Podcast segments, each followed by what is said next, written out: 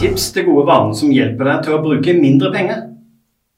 Hei, jeg er Gjerknakken Rune fra gjerknatt.com, og i dag skal jeg snakke om hva slags vaner du bør ha for å få deg til å bruke mindre penger.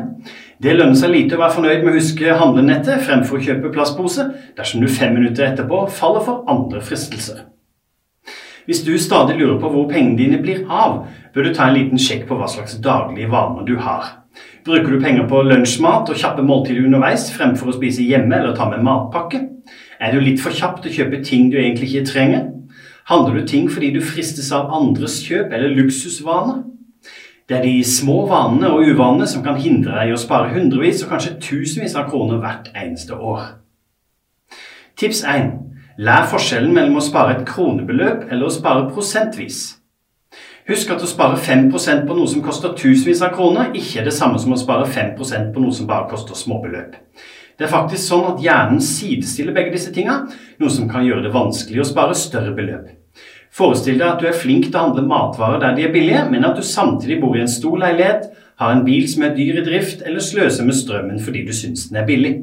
Dersom du hadde gjort beregning på hva du kunne ha spart ved å bo billigere, kjøre en bil som bruker lite drivstoff, vil du kjapt merke at det er store penger å spare. Mye mer enn dersom du bruker mye tid på å spare noen få kroner på handlemønsteret ditt. Jeg sier ikke med det at du skal la være å spare penger på handlemønsteret ditt, men du skal være klar over de store beløpene som du kanskje kan spare inn ved å flytte til et rimeligere sted, selge bilen osv. Hjernen din kan ofte spille deg et puss og gi inntrykk av at å handle billige matvarer er greit nok, mens du ikke nødvendigvis gjør store endringer ellers i livet. Tips to gjør det selv-kunnskap sparer mye penger. Jeg har alltid misunt dem som er flinke til å gjøre ting sjøl. De sparer mye penger på kunnskapen sin. Men det er vel litt for enkelt å si til seg sjøl at du har ti tommeltotter eller ikke veit åssen ting skal gjøres. Nesten uansett hva det gjelder, kan du tilegne deg kunnskap, enten du går i lære hos en handy nabo eller bekjent, leser bøker eller bare ser på YouTube-videoer. Begynn i det små, og husk for all del å gi blaffen i kommentarer fra andre. Lykken er å gjøre ting sjøl og spare penger på å gjøre arbeidet sjøl. Tips 3. Unngå unødvendige impulskjøp. Enten du sitter foran datamaskinen og plutselig ser noe du kunne tenke deg å kjøpe, eller du befinner deg på et kjøpesenter og ser en vare som du bare må ha, bør du innprente deg ordene 'vente og se'. Alle vet at å kjøpe på impuls ikke er å anbefale, men mange gjør det likevel. Derfor bør du heller la det gå litt tid, et par runder på kjøpesenteret, kanskje en dag, eller vente hele uke. Har du fortsatt følelsen av at dette er et produkt du ønsker å kjøpe? I tillegg kan du spørre deg sjøl er dette produktet nyttig for deg om en måned, noen måneder eller et års tid. Tips fire gjør litt matematikk mens du handler. For deg som er litt ekstra glad i matte, kan du ødelegge gleden ved å handle noe stort ved å regne ut hvordan de samme pengene ville vokst dersom du heller satte dem på fond eller sparekonto. Dette gjelder jo særlig for dyre ting. Kanskje du egentlig ikke trenger en bil, den samme matematikkutfordringa gjelder så absolutt også dersom du planlegger å ta opp lån for å finansiere et storinnkjøp. Tips 5. Ikke la deg lure til overforbruk av sløsete venner med høyt forbruk. Har du venner som har et åpent forhold til lommeboka? Dersom dette er venner som gjerne vil ha deg med ut på byen, reise på dyre ferier og sånt, er det kanskje på tide å stå litt hardere imot neste gang de ønsker å reise med deg til Alpene fremfor å dra på helgetur til nærmeste skisenter, eller vil på byen stadig vekk.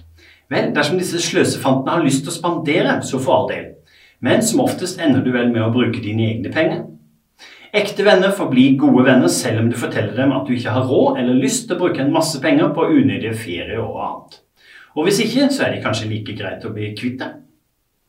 Tips 6. Sett opp budsjett. Jeg veit det er tråkig å høre det, men et budsjett er faktisk smart for å bli klar over hvilke utgifter du har. Du må gjerne lage deg en tavle, sånn som ekspertene i TV-programmet Luksusfellen gjør det.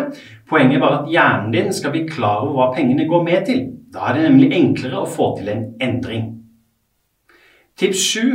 Forbered lunsj- og middagsmat i forkant.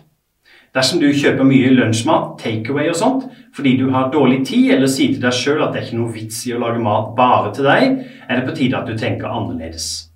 Dersom du forbereder middager og lunsjer en gang i uka, f.eks. når du har tid på søndager, kan du kjapt unngå både stress i uka og unødige fristelser på kiosk og bensinstasjoner og lignende. Tips 8. Ikke bruk mer penger enn du faktisk har. Det er lett å bruke penger du ikke har. De fleste av oss kan bare dra kredittkortet, og behøver ikke nødvendigvis tenke på at pengene også skal betales tilbake. Det smarteste er å lytte til debetkortet ditt, altså det vanlige bankkortet knytta til din brukskonto. Ikke bruk penger du ikke har. I praksis burde du leve som, leve som studenter gjør, og da mener jeg ikke overdreven festing og fastfood. Nei, jeg snakker om de fornuftige studentene som sparer der de kan, og ikke kjøper all verdens unødige greier. Alle som kjenner gjerdeknakken litt, vet at jeg syns det er smart å bruke kredittkort for å oppnå rabatter og sånn. Men det hele har som utgangspunkt at man har penger nok til å betale tilbake skyldig beløp på forfallsdato, for da er du den smarte. Tips 9. Stopp moroa ved midnatt.